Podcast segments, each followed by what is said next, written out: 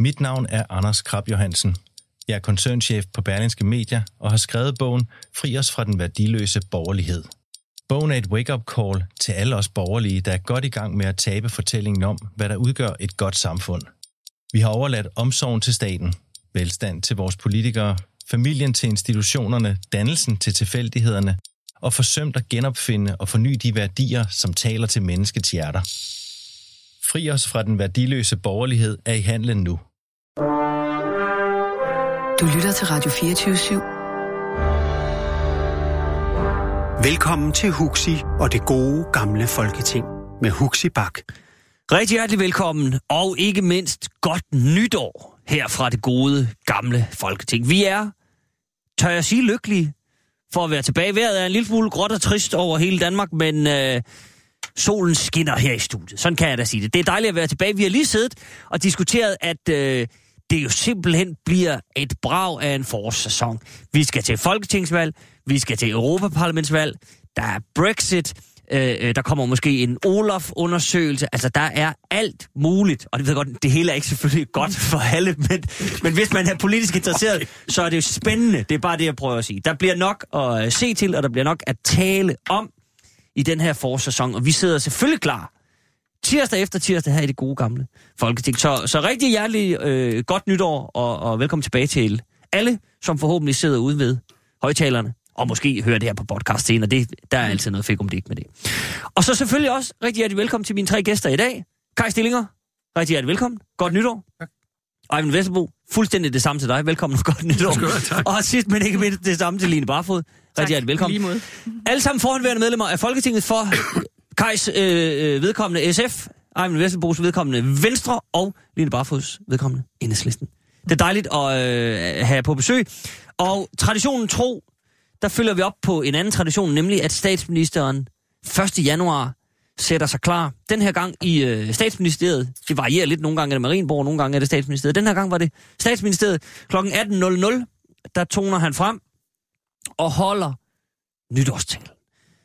Og, og øh, altså, så er der jo hele den her rituelle stammedans om, at den, nogen blå blok synes jo, det er noget af det bedste, de nogensinde har hørt. Den er fuldstændig genial. Så siger oppositionen, det er det værste, vi nogensinde har hørt. Den er frygtelig.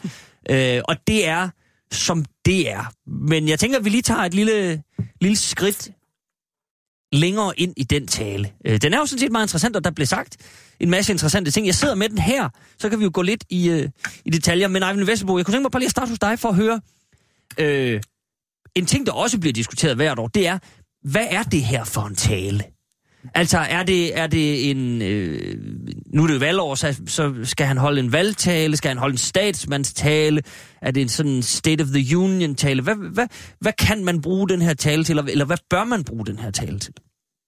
Den er jo blevet, blevet brugt til mange forskellige ting. Nogle, nogle gange er den blevet brugt til at sende øh, nogle signaler ud i, i 2011, der sagde øh, meddelte Lars Løkke, at man vil gøre noget ved, ved efterlønnen. Mm-hmm. Men, men ellers er talen jo sådan en tale til hele befolkningen, hvor man gerne skulle dække en, en anden flanke, politisk flanke, og fortælle lidt om, hvad, ja, hvad har regeringen gjort, og hvad har de gjort i Folketinget, og hvad vil man også måske gøre i, i, i tiden fremover. Så sende lidt, lidt, lidt signaler om, hvad der skal ske. Øh, og, og nogen siger, at det skal være en statsmandstale, Øh, men det er klart, at der skal jo, for at man ikke sidder og falder helt hen, så skal der jo også være noget, noget, noget indhold i den. Ikke? Siger du, at, hvis, at, at statsmandstaler, det er søvndysende? Nå jo, men altså, hvis man bare hælder vand ud af ørerne, ikke? Altså, og, og, og siger, at det hele går godt, og så videre, så videre. Øh, man har også brug for, at der kommer nogle, nogle helt konkrete, kontante ting, som, øh, som man kan enten øh, være uenige i, eller være enige i, og så diskutere videre. Ja. Men det er klart, at det her, det drejer sig om, at han skal... Også, at den kan bruges til at sætte en dagsorden på en eller to forskellige øh, områder. Ja. Og øh, det ved jeg så ikke, altså, om vi skal drøfte den nu, eller du bare vil have, hvad man skulle bruge den til. Nej, bare lige kort, hvad, så vi, vi, jeg lover, at vi kommer ned i, Ja. i øh, Ja, for det detaljerne. vil jeg så ikke begynde på. Jamen, det er godt. Ja. Godt opdraget, Eivind. Det, det er godt at høre. Ja, Line Barfod, er du, er, du, øh, er du enig med Eivind, at det, er, det skal være sådan en... Altså, det er jo dagen efter dronningen, som også skal holde den her samlende tale på en eller anden måde. Hvor, hvor, hvor, tæt, for, hvor tæt øh, skal de ligge på hinanden, de to taler? uden sammenligning i øvrigt. Men der er jo ikke nogen regler for det. Nej. Altså, og det er blevet brugt meget forskelligt, som der er jeg fuldstændig enig med Eivind. Altså, det kan både bruges, altså også i forhold til, når man ved, der skal komme valg, eller man ved, der skal bruges store reformer eller andet, så annoncerer det. Men, men man kan jo også bruge det til at, at prøve at sige, hvad er det for en situation, man opfatter, ens land står i. Øh, og man kan sige, det er jo en lidt anden situation, når man på den måde taler til hele landet på den dag, end når man har de store taler, statsministeren har i henholdsvis åbningsdebatten og afslutningsdebatten mm-hmm. i Folketinget, hvor det selvfølgelig også er en tale, som alle kan følge med men den er mere henvendt til, til Folketinget, og der bliver en politisk debat også af talen og indholdet. Ikke? Så derfor har den en, en helt anden status, end, end alle de andre taler, statsministeren ja. holder. Ja. Karl Stillinger? Ja, men jeg behøver ikke at gentage, hvad mine to forgængere har sagt. Jeg er helt enig med dem, at det er jo bare sådan en, forsøg på, på statsmandstale, og det skal det også være. Men øh, når vi kommer længere frem i, i, i, ind i talen, så kan vi måske få lov til at fortælle noget om... Hvad Det, jeg lover dig, du kan, Det du kan få, det, så kan jeg- du, så- så det kan du blot den have- grad få lov til. Så vil jeg blot øh, tilslutte mig de to. Godt. Så, øh, det, så var der jo også lige, der sad nogen, jeg var nu ikke så sikker på, at han gjorde det, men der var jo enkelte, der lige sad og, og var lidt luner og tænkte, udskriver han valg i den tale der. Det, men det er vist... Ej, altså, nå, men der, der var enkelte, og så er der altså, kommentatorer og TV2 News og alt muligt, der har interesse i, og i hvert fald at få øh, hentet, at det måske kunne ske, så har man noget at tale om jo. Man skal jo fylde 24 timer. Øh, det, det, det skete ikke. Øh, det er vist også kun sket en enkelt gang, tror jeg, I i, i historien. Jo, jo, jeg tror, faktisk nok, jeg tror faktisk nok, det er sket en enkelt gang. Eller var det åbningstalen? Nu er jeg... Det tjekker jeg lige op på lige. Ja. I pausen, og så... Jeg Øh, kan heller ikke huske så det. kunne jeg det... Ej, Ah, det men skete i nytårstalen. Men det tror, at det- du har ret, Huxi, men... øh, Jeg tror, det er 88, hvor, hvor det slutter efter de her 10 måneder udskrevet valg. I Og vi, som sagt, vi behøver ikke sidde og ikke diskutere det nu. Jeg tjekker, jeg tjekker det i pausen. Det godt. Fordi nu skal vi, øh, nu skal vi ned i substansen mm. af Lars Lykkes tale. Og jeg kan, sådan en hurtig overflyvning til, øh, også til folk ude ved højtalerne, som måske ikke lige sådan kan huske den i detaljer. Så øh, øh, siger han god aften. Okay. Og ja, det var en overraskende start. Og så, så holdt han det, han selv, så starter han med at lave sådan det, han selv kaldte en lille hip hip tale Sådan helt klassisk, en lille opremsning af resultater. Det går godt, flere arbejdspladser, øh, øh, flere øh, kommer i behandling på sundhedsområdet osv. Så, øh, så laver han en lille, og den kan vi vende tilbage til, så er der sådan en lille, hvad der er blevet tolket som en bejmand til DF. Særligt af DF. At han får sagt øh, det her med, at der er simpelthen... Øh, altså, der er nogle internationale forpligtelser, der øh, forpligter og beskytter. Og de er bygget på ordentlighed. De er skabt øh, med verdenskrigene i friske erindring. Og det er jo blandt andet FN's menneskerettigheder, der bliver øh, talt om her. Han nævner jo ikke DF, men Søren Espersen og andre føler sig i hvert fald meget stødt. Og det er jo populært i disse krænkelsestider, og det, vi kan lige vende tilbage til, om det var en bejmand til dem. Øh, så nævnte han en lille smule om terror, en lille smule om klima. Øh, så talte han internationalt udsyn, lidt om udlændinge.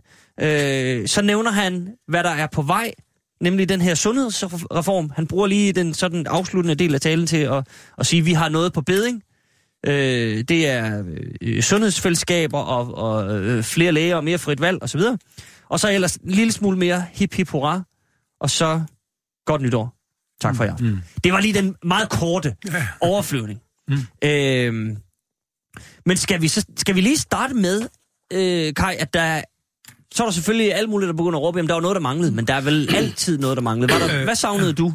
Altså, jeg, jeg vil starte med at sige, at øhm, øh, Lars Lykke er jo en dygtig oratoriker, det må man ikke tage fejl af.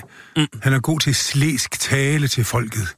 Det må vi indrømme. Nu synes jeg allerede, at du bliver en lille smule ladet i, i din Ej, men, øh, anmeldelse men her. Så vil, jeg, så vil jeg sige retfærdigvis, at han, han er en dygtig taler. Og jeg sad og læste den igennem her til, til morgen øh, på nettet, og der må det indrømme, det, det, er jo, øh, det er jo almindeligheder. Det er det, man i fagsproget kalder sproglige platheder, fordi man kan ikke se det modsatte. Altså, man kan ikke, man kan ikke sige det modsatte af det, han siger, for det, det, er, det er alt sammen noget, der er rigtigt. Mm. Og derfor kommer man ikke rigtig nogen, der er ikke noget konkret i det. Øh, og det, jeg synes, der var det største problem, sådan overordnet set, det var jo, at øh, det er jo de, er jo de ting, han ikke sagde noget om. Altså, han, han øh, fortalte alle de der fortræffeligheder, som, som han nu skal sige, og ja, det, jeg ved, kunne ikke andet, alle kunne sige det, men der er ikke noget konkret i det. Der synes jeg altså, dronningen, hvis jeg må sige det, hun er meget mere, selvom hun skal passe meget mere på, men hun er meget mere konkret og tale om at være ordentlig, opføre sig ordentligt og, og anstændighed osv. Det nævnte han jo ikke noget om. Altså, det hele går jo fantastisk godt. Ja. Øh, Men tænker, at, ja, altså, men jeg tror, man skal passe på med at sammenligne de der to. Skal man ikke? Det, det, kan, det kan blive Jo lidt unfair. Jeg, jeg tror ikke, at folk var blevet lidt sure. Det der med bankerne, som du måske hindrer, at, at hun talte om den her ordentlighed, ja. Ja. kan vi jo vende tilbage til. Men hvis for eksempel Lars Løkke havde siddet der og sagt, nu vil jeg gerne tale direkte til børnene. I skal stole på jer selv, og så videre. Det havde vel også Nej, været nej, en lille smule mærkeligt. Ja, man kunne da godt have nævnt noget om, at, at det, er da, det, er da, det er da uanstændigt, at, at bankfolk øh, har svindlet for... Ja. Øh, øh, det, herregud, han er statsmand. Og Nå, det så lad os tage fat på den, fordi det, Ja. var, det var det, der var den store kritik. Særligt mm. Socialdemokraterne var ude i noget, der nærmest mindede om en koordineret indsats omkring, mm. hvor forfærdeligt det var, at han ikke havde nævnt mm. det her øh, banknået. Line Barfod, hvad, sad du også og savnede det? Ja, især fordi, at man jo havde hørt dronningen dagen før, ikke? Men, Mm. mm.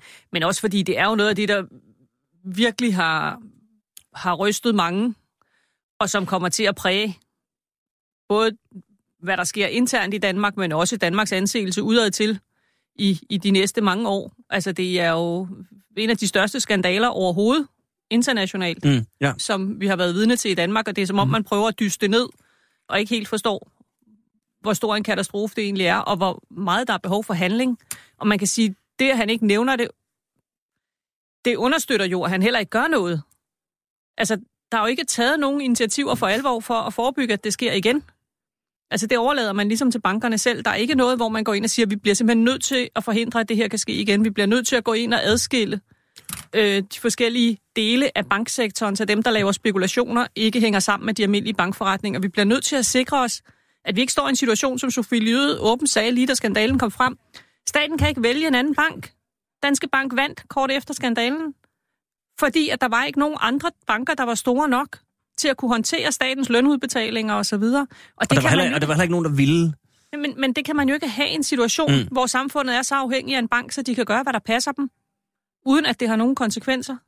Nej, altså, men, det bliver man jo nødt til at gå ind og gøre noget ved, Mhm. mm. hvis man gerne vil have et samfund, der hænger så du sammen. siger, at grunden til, at han ikke nævner det, det er, at han øh, godt ved, at, der, simpelthen, at han ikke rigtig har noget konkret. ja, han ville med. ikke gøre noget. Han kunne jo gøre, hvis han ville. Men han har ikke noget på beding, det er det, jeg mener. Nej. Ej, men det Vestbo, er det, er det, øh, er det grund... Altså, jeg, det, jeg må indrømme, det øh, overrasker også mig en lille smule, fordi vi har, ikke kun i det her program, men det har jo virkelig været The Talk of Town, årets ord, læste jeg, blev hvidvask. Øh, og han nævner det ikke med, med et eneste ord. Nej, altså det... Og de stod jo nok, i, han de stod jo han nok kunne i kø. taget, Han kunne godt have taget det her med, og det ville være naturligt. Men det er jo en prioritering. Og jeg tror, han har haft en, en anden mening med den her tale, end, end måske at tage det der hvidvask med, fordi det er jo, det er jo drøftet, men det, det er klart, at han, han burde selvfølgelig lige have haft det med, ligesom de andre ting. Men jeg mener, at han har haft en anden, en anden mening med den her. Han har jo, jeg mener, det er en meget klar tale, faktisk. Mhm. Mm-hmm. Øh, han sender et klart signal om, at den finanslov, han var med til at vedtage sammen med Dansk Folkeparti, at, at øh, meget af det, det er ikke noget, han selv egentlig bakker 100% op om. Han har en anden holdning, men at han øh, hellere vil være statsminister, end at gøre det, som han selv står inde for. Øh, og det vil sige, at han sælger sin egen integritet for, øh, med, med de holdninger, han kommer med her, for at sidde som statsminister. Så, altså, og, fordi, jeg bare lige forstå. De, fordi de klare holdninger, der er her, er jo diametralt modsat til det, han lige tre uger før har vedtaget i finansloven sammen mm-hmm. med Mhm. Dansk Folkeparti. Det her er noget, som, som man kan godt sige, det er, det, det er almindelighed og banaliteter, men det er jo i hvert fald noget, som, som, som både Dansk Folkeparti og som Inger Støjberg, i hvert fald meget af det, ikke på nogen måde er enige i det her. hvor, Og her tænker du primært vel på, på Ja, internationale tænker på, på forpligtelser. og- menneskerettigheder, ordentlighed. Altså, hvorfor er det Søren Espersen, han bliver sur og krænket, fordi at, at, at Lars Lykke taler om ordentlighed? Ja, det er jo fordi, han måske selv føler, at det, de gør, ikke er ordentligt. Og det vil sige, at Lars Lykke kritiserer ham, og så bliver han selvfølgelig sur, fordi at Lars Lykke prøver at i ham. Det er, jo, det er en erkendelse fra, fra Søren Espersen, at han føler, at det vi, det, vi laver, det, det opfatter folk ikke som ordentligt. Og der har Lars Lykke jo ret. Ja, så skal jeg bare lige forstå, så du, du ser det her som, at hele den her tale er en, skal man sige, man kan kalde det en undskyldning, eller, eller sådan, øh, for at bruge fremmedord, en disclaimer, ligesom sagt, prøv at høre, vi har lavet en øh, finanslov, Øh, og den er, det er blevet kludetæppe, fordi vi vil gerne beholde magten, og derfor er vi nødt til at gå på en række kompromiser. Men nu benytter, benytter jeg så den her tale, hvor jeg har fri taletid til at sige, hvis det var mig alene og Venstre alene, så havde det set sådan her ud. Det er. Ja. Lars Lykkes drømmekatalog, og så, øh, ja, så starter virkeligheden så 2. januar. Ja, for, fordi Og den han- ser fuldstændig anderledes Fordi ud. den virkelighed er, at han ikke kan gøre det, han siger her. Ja. Og derfor sender han måske også et signal til befolkningen, til Venstres bagland om, at han i sig selv godt kunne tænke sig, at det så lidt anderledes ud, men at han for at bevare statsministerposten var nødt til at føje Dansk Folkeparti og Inger Støjberg. Øh, og, og jeg synes, at øh, det, vil, det vil fremtiden selvfølgelig vise, at nogle af de ting, vi måske også kommer til at drøfte senere hen i dag, at kunne jeg tænke mig at gøre, at, at Venstre begynder at, at nærme sig en anden holdning på en række områder. Men det, jeg savner for eksempel, når du spurgte om det, så mangler jeg i hvert fald, øh, at I strejfede om, om kulturområdet, øh, at man, man, man, man skulle gøre noget for ligesom at bevare den danske kultur og de kulturinstitutioner, vi har. Mangler, jeg mangler også noget omkring uddannelse. Øh, alle de her ting er jo lige så vigtige som hvidvask, øh, fordi det er faktisk nogle ting, man reelt kan gøre noget for den danske befolkning. Det der hvidvask, det er sådan mere et politisk, økonomisk øh, spørgsmål. Så altså, jeg, jeg synes, at, øh, at nogle af de ting, han manglede, det var nogle af de der nære ting øh, i den danske befolkning. Øh, men, så, men han kan jo ikke have alting med. Så derfor har han prioriteret, og han har prioriteret at sende nogle signaler til, til blandt andet Dansk Folkeparti om, at øh, det der, øh, Øh, vi, vedtog i finansloven, øh, der kunne jeg godt tænke mig, at vi havde gjort noget andet. Mm-hmm. Så nu kan jeg, nu kan jeg fornemme øh, en vis enighed omkring øh, mangelfuldheden i den her tale. Så derfor vil jeg bare opfordre lytterne, hvis man sidder derude og, og øh, sad 1. januar tænkte, vidunderlig tale, hvor var det godt. Det var der jo nogen, der synes, øh, jeg, jeg læste jo masser af, øh, selvfølgelig primært venstrefolk i hvert fald, som synes det var, ja, andre, andre venstrefolk end dig, Eivind, som synes det var fremragende. Så kan man jo altså øh, benytte øh, telefonnummer 42 600 24 til at skrive ind, og lige øh, øh, gå i rette med de tre panelister, som, øh, som er ret enige om, ikke nødvendigvis hvad der manglede, men at der manglede noget i hvert fald. Øh, Kai Stillinger, synes du, øh, hvis, hvis nu vi, vi, jeg antager, at du er enig med, med Eivind Vesselbo et stykke hen ad vejen her, at Lars Løkke holder en tale, som ikke nødvendigvis står mål med den politik, han fører, det kan man måske også godt sige, hvis man sådan ser efter og læser efter, så er der jo nogle ting, hvor det ikke sådan helt hænger sammen. Øh, Absolut. Øh, men, men burde han så varedeklarere en lille smule mere? Burde han sige, prøv at høre her, altså øh, nu benytter jeg lige talen til at sige, at øh, vi har indgået en finanslov, og det er kompromisets kunst, fordi sådan er politik. Så nu skal I bare vide, øh, hvad, hvis far sad her helt alene, så vil jeg gøre sådan her. Ville, Nej. ville det være Nej, det- befriende og ærligt, hvis han gjorde det på den Ja, måde? det ville det bestemt være, men det, det vil han aldrig nogensinde ture. Fordi så vil han jo få dem endnu mere på halsen, og på, eller på nakken, som det hedder, øh, end han har øh, øh, gjort nu med hensyn til, at han øh, kalder, altså, de, bliver kaldt, altså, de føler sig som hosekrammer på, på nyskhed. Altså, der synes jeg, nu er de meget følsomme, de der Dansk Folkeparti. Det er noget helt andet. Men, men det der, det, jeg synes, det, nej, det, det tror jeg ikke, han tør, det, hvis du vil have svar på det. Det tror jeg ikke, han tør. Fordi så mister han da fuldstændig Dansk Folkeparti og så kaster han blev nærmest i favnen på, på Socialdemokratiet. Det er ikke sikkert, at han har lyst til det. Men nej, men det, det er det, vi sådan, når vi snakker og læser om talen, så er, der, så er han jo visionær i forhold til udenrigspolitik og menneskerettigheder. Og det, det, som vi snakker om, det var jo, at han nævner kun én ting, det er, at han vil lave en sundheds, sundhedsreform. Og øh, det er noget med nogle 21 småsygehus, han vil nævne. Men der er ikke noget konkret indrigspolitisk i den her øh, tale, som folk kan forholde sig til. Det synes jeg, at mange af de andre statsminister har gjort. Altså kom, vi vil, vi vil de næste år arbejde for det og det og det og det. Det er der ikke noget af i hans tale. Det mangler jeg rigtig meget. Mhm. Øh, nu, bare lige for at holde fast i den der ting med, med, med Dansk Folkeparti, så kan ja. vi få rundet den af. Du synes ikke, der er noget sådan, hvad skal man sige, modigt i? Altså, Dansk Folkeparti blev jo sure, de var jo virkelig stødt på, på manchetterne. Der er vel et eller andet modigt i at sige, også sådan som debatten har været omkring øh, menneskerettighedsdomstolen og hele det. Han ved jo godt, hvor Dansk Folkeparti står. Ja. Og derfor benytter han alligevel lejligheden til at sige, jamen, jeg ved godt, det her det er en øm tog. 1. januar, nu sparker jeg lige på den tog. Og siger, prøv at høre her, det handler om ordentlighed. Og så synes Det jeg, er skulle- ordentligt, at... Øh, Jamen, hør her. og vi skal blive i de her forpligtelser. Så synes jeg, han skulle snakke med sin, øh, sin integrationsminister først og bede hende om at opføre sig ordentligt. Fordi hun er jo fuldstændig ligesom Dansk Folkeparti. Om det kan være, det er et, et lille signal til hende også. Ja, det kunne De har, godt de, har da, de har da været på kant. Hun løb ikke til Marrakesh, og det ene og det andet. Det kan nej, godt ske, at han lige... Ja, det, det tror jeg nok, det er. Jeg, jeg, jeg synes ikke, det er... Det er, det var, jeg, I modsætning til Eivind, altså, jeg synes ikke, det var særlig hårdt mod, mod Dansk Folkeparti. Og det, det er, fordi de, de er overfølsomme. Line Barfod, du spor heller ikke noget mod, eller hvad? der skal ikke meget mod til at sige noget, som, som rigtig mange mener. Man kan sige, det der er, at det forbløffende er, at man kan slippe afsted år efter år med at sige noget i nogle taler, som er det stik modsatte af det, man så gør. Ja, det er noget. Og det er jo et, et problem, også hvis man gerne fremover vil have, at folk skal engagere sig i demokratiet. Mhm. Hvis man igen og igen og igen oplever, at selv statsministeren, men også mange andre politikere, de siger et og gør noget helt andet. Der er simpelthen ingen sammenhæng imellem, som mig vi også var inde på, det der er vedtaget i finansloven, og så det, han siger i talen. Det er rigtigt. Der kunne man jo godt ønske sig, at man gik over til at sige det, man faktisk mente, og så også gøre det. Ja, Eivind? Jeg synes ikke, han er modig. Jeg synes, at han, øh, han det, er, det, er, det er ren strategi, meget af det, han foretager i den her tale her. Men samtidig gør han det jo ganske klart, at nogle af de, nu gentager jeg lidt, at de ting, man vedtog i, i, i finansloven, ikke hænger sammen med den her tale. Og et af dem, det er for eksempel det der meget fortærskede ord, paradigmeskifte. Ja. Det er jo helt fantastisk, det han, det han siger her. Han, han, han, han putter jo helt det der paradigmeskifte fuldstændig ned i en kuffert og lukker kufferten.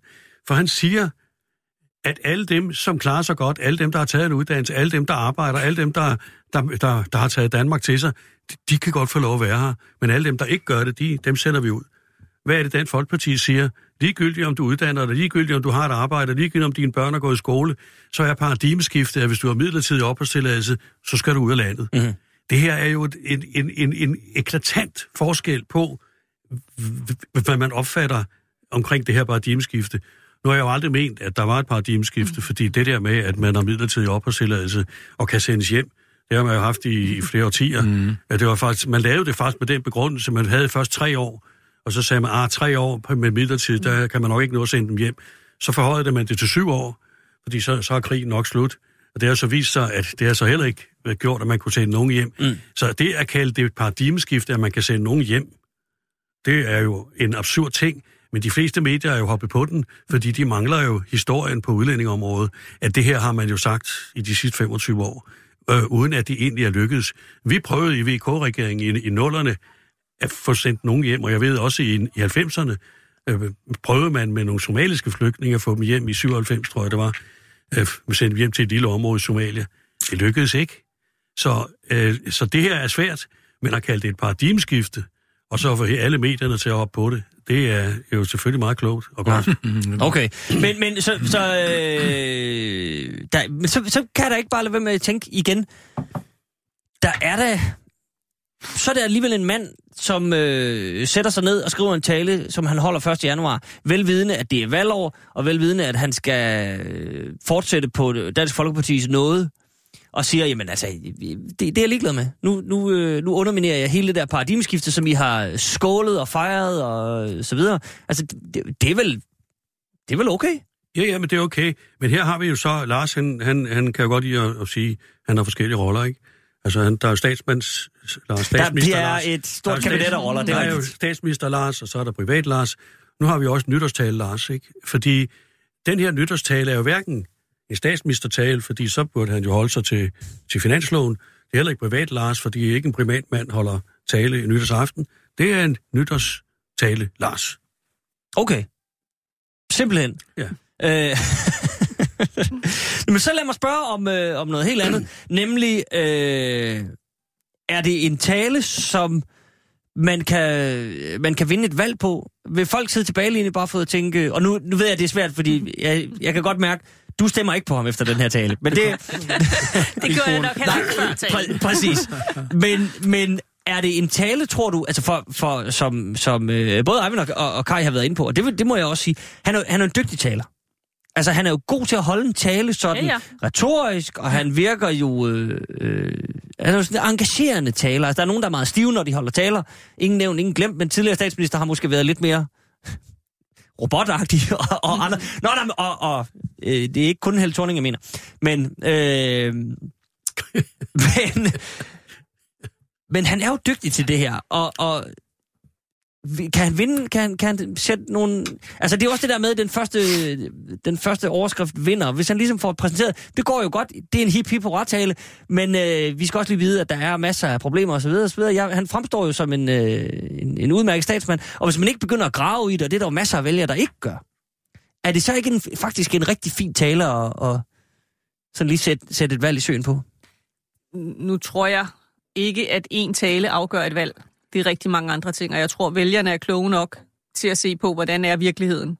Altså se på, hvad er det så? Så... Det er klart, men, men, ja, som, men, men som jeg tror faktisk, at langt, langt, langt de fleste vælgere kan godt se forskel på, hvad Lars Lykke siger i talen, og så hvad det er, der rent faktisk foregår. Og rigtig mange vælgere kan godt se, at der er massive problemer. Dels klimaproblemerne, som især den sommer, vi har haft, har gjort, at rigtig mange er blevet meget opmærksom på, at man er nødt til at gøre noget. Mhm. Og hvor regeringen jo reelt ikke kommer med noget som helst, som vil kunne gøre noget for at ændre på, på klimaproblemerne og de meget, meget alvorlige ting, vi står med. Og hvor min oplevelse er, at rigtig mange mennesker ikke kan forstå, at politikerne bruger så meget tid på bitte, bitte små problemer, eller noget, der slet ikke er noget problem, før politikerne går ind og blander sig, og ikke tager fat i, hvad gør vi egentlig, dels for at forebygge, at det bliver så slemt, som eksperterne spår, og dels for at tage hånd om, hvordan overlever vi så? Altså helt basalt, hvordan overlever vi de forandringer, der under alle omstændigheder kommer, og som allerede er i gang? Altså alle dem, som har oplevet de her øh, oversvømmelser, der har været de seneste dage, de står konkret med problemerne, og mange andre kan se, at de også risikerer at komme til at stå med problemerne. Man burde jo tage fat i landbruget og sige, hvis det er rigtigt, som nogle forskere sagde sidste år, at Golfstrømmen faktisk er ved at vende, så vi får en lille istid i løbet af ikke særlig lang tid. Hvad er det så, vi skal dyrke i Danmark? Hvordan kommer det til at hænge sammen? Altså, der er masser af problemer, som man kunne tage fat på. Der er problemerne på, på hele uddannelsesområdet, som øh, Eivind var inde på. Der er mange mennesker, der oplever, at sundhedsvæsenet ikke hænger sammen. Der er nu sagt, at der kommer en sundhedsreform, men jo ikke en, som man har indtryk af for alvor, når man lytter til eksperterne i hvert fald, vil kunne tage, tage fat på at sikre, at folk får øh, en ordentlig sundheds... Nej, men, der, men, men lige præcis med det for eksempel, Line, bare der tænker jeg jo, øh, der sidder vel også nogle vælgere, der, der, der føler sig beroliget, når statsministeren sidder der og siger, prøv at høre, øh, vi præsenterer lige om lidt en sundhedsreform, og det skal nok gå, og der, der, det bliver mere nærhed, der kommer flere varme hænder. Han får jo ligesom øh, øh, sagt, at der, der er noget på vej. Øh, og man behøver vel ikke at gå så meget i specifikke detaljer. Er det ikke sådan, at han, han beroliger vel sådan på sundhedsområdet, som er en af de tre topområder, vælgerne går, går op i? Jo, han, han siger noget, som skal være beroligende. Nu er der jo ingen, der har set, hvad hans udspil går ud på endnu, så derfor er det jo svært. Men, men det, at han ikke overhovedet inddrager nogle af alle dem, som sidder med problemerne til hverdag, gør jo, at, at det vil være rigtig svært for mange allerede nu at sige, kommer der så noget? Mange kender jo enten nogen, der arbejder i sundhedsvæsenet, eller nogen, som er patienter, øh, eller har det selv inde på egen krop. Mm, mm. Øhm, og man kan sige, de reformer, som han tidligere har stået bag, har jo været med til at skabe nogle af de problemer, man har. Altså, så derfor kan det også være svært for mange at, at have tillid. Og den helt overskyggende problem er jo, at man lader medicinalindustrien bestemme, hvor mange penge skal der bruges på, på nye dyre behandlinger, som suger penge ud af sundhedsvæsenet, så der ikke er til alt det andet. Og det er der intet, der tyder på, at han vil tage fat på og sige, at vi bliver nødt til at gøre op med, at det er medicinalindustrien, der bestemmer, hvordan vores sundhedsvæsen skal fungere. Vi bliver nødt til at sikre, at vi har øh, ordentlig behandling til folk til en pris, som øh, kan hænge sammen. Vesselbo? Jeg er helt enig i det meste af det, du sagde, Line. Fordi øh, jeg tror ikke, at han beroliger folk ved at sige, at nu kommer der en ny øh, reform med, omkring øh, st- strukturen. Og gør det, at, at når, når han så ikke kommer med noget konkret, mm. så bliver det endnu mere usikkert. Og når så øh, øh, øh, regionsmedlemmer og formænd, øh, øh, de henvender sig til ham og siger, at det der er en dårlig idé, fordi det skaber kaos, selv i Venstre... At, at han overvejer, ja, der er rygter om at altså, nedlægge hvis han vil regionerne. nedlægge regionerne, for Præcis. eksempel. Øh, altså selv Venstres bagland reagerer jo med markante figurer, blandt andet øh, er der flere, som, som har været ude og sige, at øh, det er en meget dårlig idé at nedlægge regionerne, og så lave strukturerne om til sådan en, en, en statslig øh, f- styring. Så det beroliger ikke. Og når du spurgte, om den her tale ville betyde, at, øh, at, at folk de tænkte, nå ja, nu, øh, det, det lyder meget godt, det der, og vi beroliger, og han kunne måske gå hen og vinde valget, eller forbedre sin situation, så tænker jeg, ja, det afhænger jo af, hvad der sker fremover, fordi hvis det her kan ses som et politisk paradigmeskifte for Lars Lykkes side, er fra, fra øh, ligesom at riste sig fri af Dansk Folkeparti og gennemføre nogle af de ting, han siger her i talen, også nogle af de ting, han ikke har med, som man også måske kunne tænke sig på uddannelsesområdet, kulturområdet osv. Hvis det var et nyt politisk paradigmeskifte for Lars Lykkes side og Venstres side, og regeringens side i øvrigt, at skille sig af med, ikke skille sig af med, men frigøre sig af de der snærende bånd for Dansk Folkeparti, så tror jeg faktisk, at man havde en stor mulighed for, at, at der var nogen, der, der sagde, nå jamen, det, det lyder da meget fornuftigt, lad os overveje situationen. Mm-hmm. ja, Karl Stillinger? Ja, jamen, altså, jeg tror, jeg, jeg er enig med, med Line blandt andet, at øh, han har det problem, at øh, han er ved at være øh, sådan lidt rusten, øh, fordi folk øh, tror ikke rigtig på ham mere. Nej. En ting er hans, øh, hans øh, nu, nu, er jeg ked at bruge udtryk igen, men han, har en, han er dygtig til at tale. Jeg siger ikke slæsk tale. Jeg siger en god tale. Øh, men, men folk, de tror ikke rigtig på ham mere. Fordi, som Line siger, han har lovet så mange ting, og resultatet bliver det modsatte. Og det, jeg tror, der er rigtig, rigtig mange mennesker efterhånden har sagt, at ved du hvad, det er fint, det du siger der, det er en fin tale, men husk lige på, hvad du lovede sidste år, og hvad der er sket. Ikke en... Øh, ingen smule. Mm-hmm.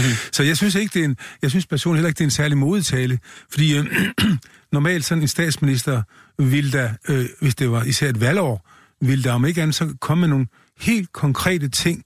Det lover vi, ja, danskere, det vil vi slås for det næste år. Og hvis I stemmer på mig, så bliver det gennemført. Men, der var men, den sundhedsreform, som jo er fuldstændig ukonkret, og som folk siger, hold nu men, kan, men Kaj Stillinger, er vi, er vi enige om så, at hvis han havde gjort det, hvis nu ja. han havde brugt den her tale til at fremlægge det store valgprogram osv., så, så ville hylekoret have sagt, føj, for noget sjask. Det må man ikke bruge nytårstalen til. Det, det skal jo være en statsmandstale, han skal jo samle befolkningen og sådan noget. Altså, han kan jo nærmest ikke sætte en fod rigtigt her. Nej, det er rigtigt. Godt. Jamen, bare, bare vi lige er enige om det så. Fint. Jamen, øh, ved I hvad? Så synes jeg, vi skal lade den øh, tale ligge, fordi vi har meget andet, vi skal nå her i, øh, i programmet. Jeg kan sige så meget som, at hvis man øh, hænger på helt til enden indtil kl. 12, så er vi forhåbentlig kommet forbi cigaretter. Det står jo forfærdeligt til øh, i Danmark. Flere er for første gang i 20 år begyndt at ryge. Det skal der gøres noget ved. Politikerne skal bare lige finde ud af, hvad de egentlig vil gøre ved det. Det vender vi lidt senere. Vi skal tale om Klimarådet igen igen, fordi det er... Line for der er jeg enig med dig, og det ved faste lytter af det her program. Hvis der er noget, formand går op i, så er det altså klimaet. Øh, men det er lidt svært at finde ud af, hvad politikerne på begge fløje har tænkt sig at foretage sig. Men det med det klimaråd, det er en spøjs historie. Så skal vi lige runde boligjobordningen, som Socialdemokraterne det er en besønderlig ting, de har gang i. De kan ikke lide den, derfor vil de gerne beholde den. Vi vender tilbage til, hvordan og hvorledes. øh, men det vi skal nu, mine damer og herrer, den dame og de her hedder det jo ret lidt. Line Barfod, øh, Eivind Vesterborg og Kai Stillinger, som er på besøg i dag til nye lyttere. Det er, øh, vi skal en tur til Sjælsmark. Det ligger lige uden for Hørsholm, ikke sønderlig langt fra, hvor vi sidder her i, i København, men det er bare så, man lige geografisk er med på, hvor vi er. Der ligger udrejsecenter Sjælsmark. Det vil sige, der sidder øh, nogle mennesker, som skal sendes ud af landet. De har ikke fået, øh, fået ophold i Danmark, men de kan ikke blive sendt hjem. Lidt øh, eller den situation, vi var inde på øh, før, Eivind. Øh, og det er jo selvfølgelig en, en ubehagelig situation for alle involveret sådan set. Fordi, øh, hvad skal regeringen gøre med folk, som ikke har fået asyl? Men vi kan ikke øh, beholde dem efter gældende regler, men vi kan heller ikke sende dem hjem, og så er man i det her limbo. Og det øh, mest forfærdelige er jo, at der er børn her. Øhm, og så kommer der en grim sag i sidste uge med en far, som optager en video. Han står i køen til, i, i kafeteriet i Sjælsmark øh, med sin femårige søn, som er sulten, og han vil rigtig gerne have kogte broccoli og kartofler. Føj for pokker. Nogen vil mene, det er en aparte dreng, men altså lad os, lad os bare sige, at det er en, en sund og rest dreng, der faktisk gerne vil spise sine grøntsager. Og, øh, men det må han ikke få. Fordi de grøntsager er forbeholdt de små børn under tre år, tror jeg. Som ikke har tænder, det giver ikke rigtig mening. Jamen, det, det, er, det er lidt spøjst, men, men, men det er jo også det, vi skal ind på. Øh, og så opstår der en lidt ophedet situation, fordi faren bliver frustreret over, at hans søn bliver meget ked af det her, begynder at græde, for han vil sådan set gerne have nogle, nogle grøntsager. Det kan jo selvfølgelig være svært at forklare en femårig, at reglerne i kafeteriet her på udrejsecentret er således, at det må du ikke få. Øhm, og så er der en det er blevet afdækket her på stationen også, at, at historien er ikke sådan helt lige til, for der er også noget med, at faren måske øh, bliver lidt øh, helt sikkert frustreret, men måske også unødvendigt korporlig og, og øh, så videre og så videre. Der er nogle vagter på centret, som har sagt, at det, Den er ikke helt sort-hvid. Men det, vi holder fast i, det er, øh, at det er en historie, som jo fra alle sider øh, i det politiske spektrum har vagt opsigt, fordi det virker umenneskeligt, det her. Det, det er et femårigt barn, som ikke kan få nogle kogte grøntsager. Og, og spørgsmålet er, om det er ligesom... Altså, er det det niveau, vi er på? Og det er der jo et eller andet, der tyder på. Men hvad i alverden skal man ellers gøre, Kai Stillinger? Mm. Øh, øh, det, det, det er vel en... På, på, på sådan en overfladen en nem situation, jamen det kommer der nogle grøntsager, men det er vel også politisk og håndterbart en, en lidt mere vanskelig situation end som så, eller? Jamen, det er bestemt. Men sådan ordentligt set, synes jeg, det, det virker fuldstændig latterligt. Der, der, der er noget galt et eller andet i stedet i systemet, at man kan forbyde børn at få broccoli. Altså tænk, hvis du kunne få børn til at spise broccoli, så skulle du da være lykkelig for fanden. Men øh, der synes jeg, det er meget, meget småligt, at man ikke engang der, der er et eller andet galt, som sagt, et eller andet sted op i systemet. Øh, så der forstår jeg ikke, jeg forstår ikke, at man ikke bare siger, selvfølgelig må det der få broccoli. Men det, det drejer sig om, det er selvfølgelig, at man vil sandsynligvis fra visse politikers side gøre det så forbandet vanskeligt og ubehageligt at være på det center, at de fiser hjem. Det er jo det, det går ud på dybest set, ikke? Så derfor gør man alt. Sådan en lille ting som det der, det er jo, det kunne man ændre i løbet af i morgen, men, men jeg tror, det er bare en del af mange ting, som gør, at man vil gøre det så besværligt og så ubehageligt for dem, der sidder der, således at de måske rejser hjem. Det tror jeg. Mm-hmm. Simpelthen, altså så, så kynisk. Det tror jeg faktisk, det er, ja. Line Barfod? Jamen, det er jo blevet sagt meget klart. Det skal være så utåligt, så de rejser hjem. Her hentyder du til Inger Støjberg, som har sagt, ja. citat, det skal være så utåligt overho- som overhovedet muligt at være på tålt ophold i Danmark. Ja. Altså, og, og, når man laver forhold, der er umenneskelige og utålige, så bliver det jo sådan. Så bliver der absurde tilstande. Og derfor, mm. så længe man har noget med det absurde formål, og vil gøre menneskers liv utåligt, jamen, så kommer der til at være episoder af den her slags. Altså, mm. og, og derfor bliver man nødt til at gøre op med det og sige, vi kan ikke som samfund, for det forråder jo hele samfundet. Det er jo med til at nedbryde den respekt, vi skal have for hinanden som mennesker, og den forståelse, vi skal have af, hvad vil vi gerne være for et samfund, hvis vi accepterer, at en del af det samfund, vi lever i, det er at gøre livet utåligt for andre mennesker, og herunder børn. Ja, så bliver vi alle sammen forrådet, hvis vi accepterer mm. det, og derfor bliver man nødt til at gøre op med det og sige, at vi kan ikke have et samfund, der gør sådan noget. Vi bliver nødt til at, at sikre, at mennesker skal leve under tålelige vilkår. Mm.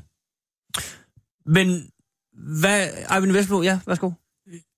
Ja, øh, det her, der foregår op i Sjælsmark, det har vi jo, nu gentager historien så jo, det har vi jo set før. Øh, jeg skal bare lige sige, at dem, der bor deroppe på Sjælsmark, er jo ikke på tålt ophold. Det er afviste asylansøgere mm. med børn. 93, det er rigtigt, det, det er, der er en nuance der. De andre, det er kriminelle, som skal ned på den der ø, Præcis. Øh, Lindholm. Men det er så en anden ting.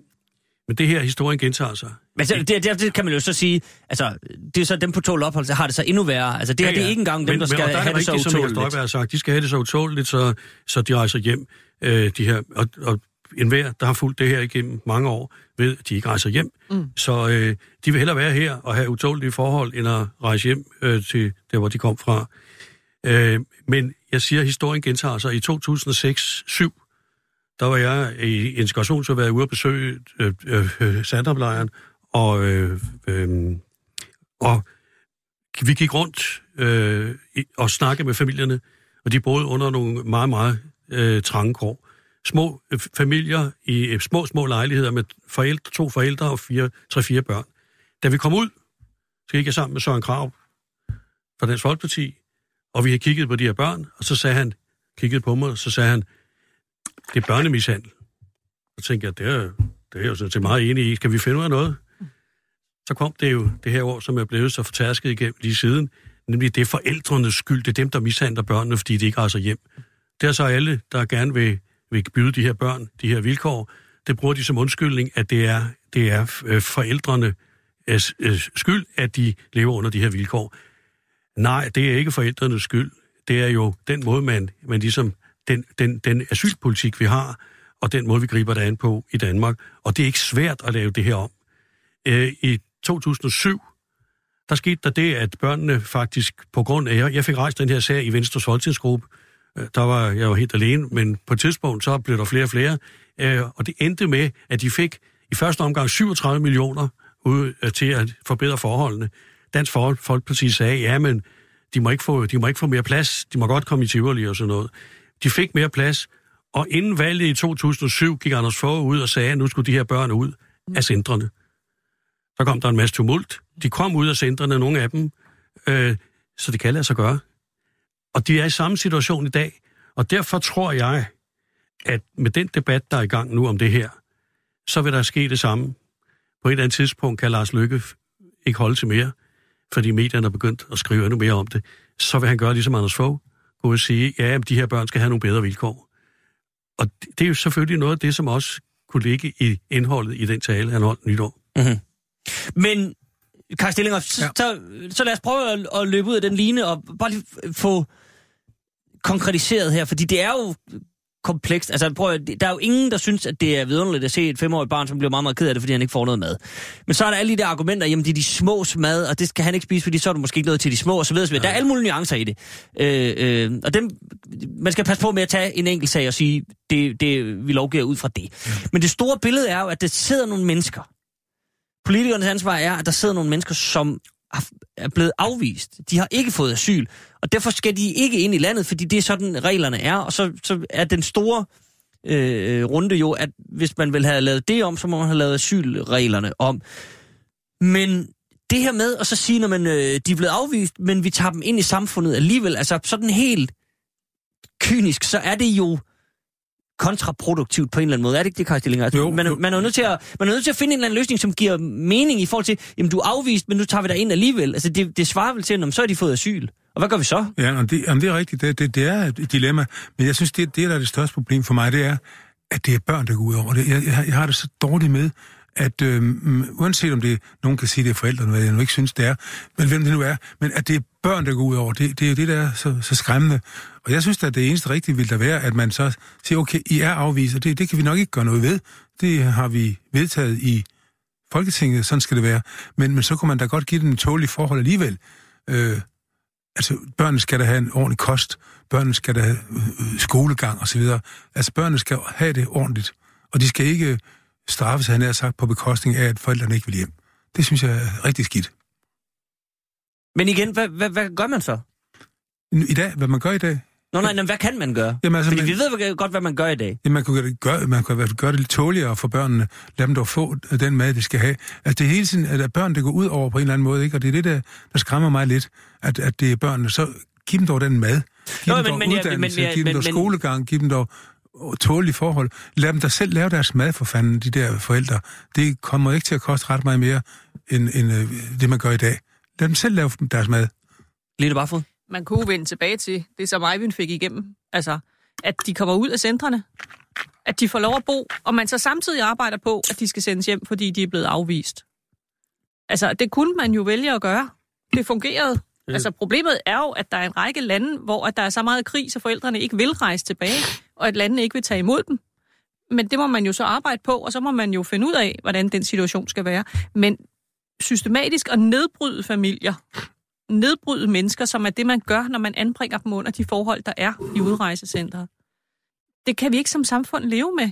Altså, det, Jamen, det er men- men værre siger- for os alle sammen og vores forståelse af, hvordan vi gerne vil være som mennesker og som samfund, end det er at have nogle familier boende rundt om i landet, som kan bygges op som familier, og som når der en dag bliver de forhold i hjemlandet, der gør, at de kan vende tilbage, så kan vende tilbage og være med til at bygge det land op, mm. i stedet for, at de vender tilbage mm. som nogen, der er fuldstændig ødelagte, eller de ender med at skulle have asyl i Danmark af humanitære årsager, fordi de er blevet så syge af den behandling, mm. vi giver dem, så at de slet ikke kan holde til det, eller børnene er blevet tvangsfjernet, som der nu var nu, nogen nu ude med løsning om. Ikke? Det er jo ikke en løsning at tvangsfjerne alle de her børn, og så skal de ud og leve andre steder. Mm. Altså, så kommer de jo øvrigt også til at være her, hvis man nu ikke vil have, at de skal være her. Men det er da langt bedre at sørge for, at familierne har det godt og bliver stærkere, og børnene kan få noget uddannelse og så videre, og så kan bruge det.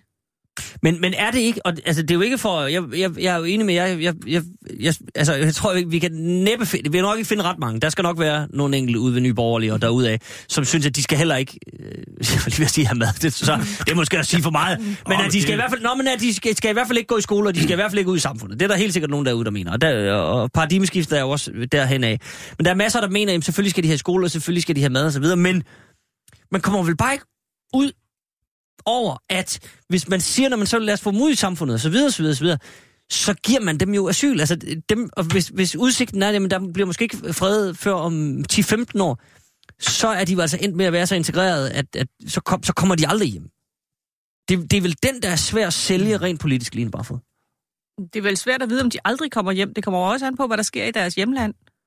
Altså, der var jo en del af, af de øh, sydamerikanske flygtninge, der vendte hjem efterhånden, som forholdene blev til det i deres lande, også fordi de gerne vil være med til at bygge op. Der er jo mange, der gerne vil være med til at bygge de lande op, som de kommer fra. Mm. Og hvis man nu gik ind i stedet og sagde, hvordan kan vi være med til også fra dansk side at understøtte, at der kommer fred, og der kommer demokrati, og der kommer en økonomisk udvikling i de lande, som gør, at der faktisk er noget at være med til at bygge op til. Kunne man forestille sig, at nogle af de mennesker, der var i Danmark, havde nogle ressourcer, som kunne være med til at, at fremme en sådan udvikling? Ja. Så man så det som noget positivt, hvor man sammen kunne gøre noget, i stedet for kun at, at se det som en kæmpe byrde. Og i forlængelse af det, Line siger, så øh, kunne man jo netop også øh, dygtiggøre øh, forældrene. Altså give dem en uddannelse af en eller anden slags, således som, som Line siger, så kan de komme tilbage til deres hjemland og være med til at bygge landet op. Altså, det, det er jo formålsløst, og det er jo utåligt. De bare sidder og glor i en lejr. Så, så, som du siger, så bliver de måske psykisk syge og dårlige, og er ikke til nogen nytte, når de kommer hjem. Men øh, giver man dem en, en tålig forhold, giver dem en, giver dem en positiv opvækst, børnene, og forældrene uddannelse, jamen, så kan de være med til at, at udvikle deres land, når, når, de, øh, når det bliver bedre forhåbentlig i deres, Mhm. mm-hmm. i deres hjemland, ikke? Ejvind Vesterbro. Men du sagde formanden før, at øh, jamen, hvis de nu skal sidde, de ikke kan komme hjem i løbet af 10-15 år. Altså, hvis man har det perspektiv at sige, at de kan ikke komme hjem i løbet af 10-15 år, skal de så sidde på Sjælsmarkedet udsendelsescenter med børn, der bliver født og vokser op der i 10-15 år, og blive nedbrudt og leve ved siden af det danske samfund, velvidende, at de måske aldrig kommer hjem. Fordi så får vi jo et, et endnu større problem. Hvis, der kommer jo flere og flere Mm. øh, hen ad vejen, som skal ud der. Det gør der også nede på Lindholm. Der kommer også flere og flere øh, kriminelle. Øh, og hvis de så på et tidspunkt alligevel, man når til, at men de kommer ikke hjem, de kommer ud, så har vi nedbrudte familier, vi har børn, der ikke har fået en, fået en uddannelse. Mm. Det giver jo et kæmpe problem i, i, i Danmark. Og man taler om, at hvis man gør tingene bedre for de her børn i asylcentrene, eventuelt får nogle af dem ud og blive en del af det danske samfund, så åbner vi en ladeport, siger de alle sammen. Men nu er det så, at man skal gå tilbage og se på tallene fra 2007, 8, 9, 10 med antallet af asylansøgere. Der kom nogen ud af, af centrene. Kom der flere asylansøgere? Nej, for der blev ikke åbnet en ladeport på grund af, at der kom nogen ud. Fordi det interesserer altså ikke folk, der, der bliver bombet sønder og sammen i et eller andet flygtningeland. Om, det, det, det ved de overhovedet ikke. Så lad være med, at alle kommer med det der, jamen hvis de der kommer ud, så åbner vi, så kommer der mindst til 100, 100 millioner flygtninge til Danmark, fordi så vil de alle sammen ud og bo i Danmark. Altså det er jo en, det er jo en myte, fordi tallene fortæller noget andet. Og øh, altså, det her, det skal jo gå, gå det som man siger i politikere, gå på to ben. Øh, det, det siger man altid. Mm. Det skal jo gøre det, Line siger. Man skal prøve at lade være at nedbryde de her mennesker. Man skal prøve at at give børnene en uddannelse og give de der mennesker noget, noget, noget, noget, noget, noget uddannelse og viden og arbejde, og samtidig forhandle med nogle af de lande, som de kommer fra, sådan så man kan få lavet nogle aftaler, så man kan sikre, at de kan komme hjem og være med til at opbygge deres land. Men der er det klart, at hvis man er så øh, udiplomatisk, at man generer nogle af de lande øh, med, med, med nogle ting, som de ikke kan lide, som Inger Støjberg øh, har, har gjort omkring Iran, hvor man så blokerer for alle øh, forhandlinger, ja, så, så, så, så, så, er det, så skyder man sig selv i foden. Så alt det her, I har fået øh, øh, sagt her, giver jo fin mening i formandens øre. Og det er jo, øh, igen, der er nok ikke nogen, der vil sige, at det skal være, måske igen enkelte, men der er ikke nogen, der siger, at det skal være umenneskeligt, og vi skal nedbryde de her børn, og vi skal ødelægge dem, og vi skal prøve øh, og, og ligesom øh, få det gjort dyrere at få rettet op på det her, hvis og så fremt. Øh, men hvorfor er det så, så svært, Line Barfod, at få solgt den idé om, at det jo vel også sådan på kroner og øre, hvis man siger, jamen, nu øh, øh sørger vi for, at de her mennesker ikke går i stykker. Så det er hele ordentlige mennesker, der kan være med til at enten bidrage til det danske samfund i sidste ende, eller komme hjem og på ordentlig vis bidrage øh, til genopbygningen af deres eget land.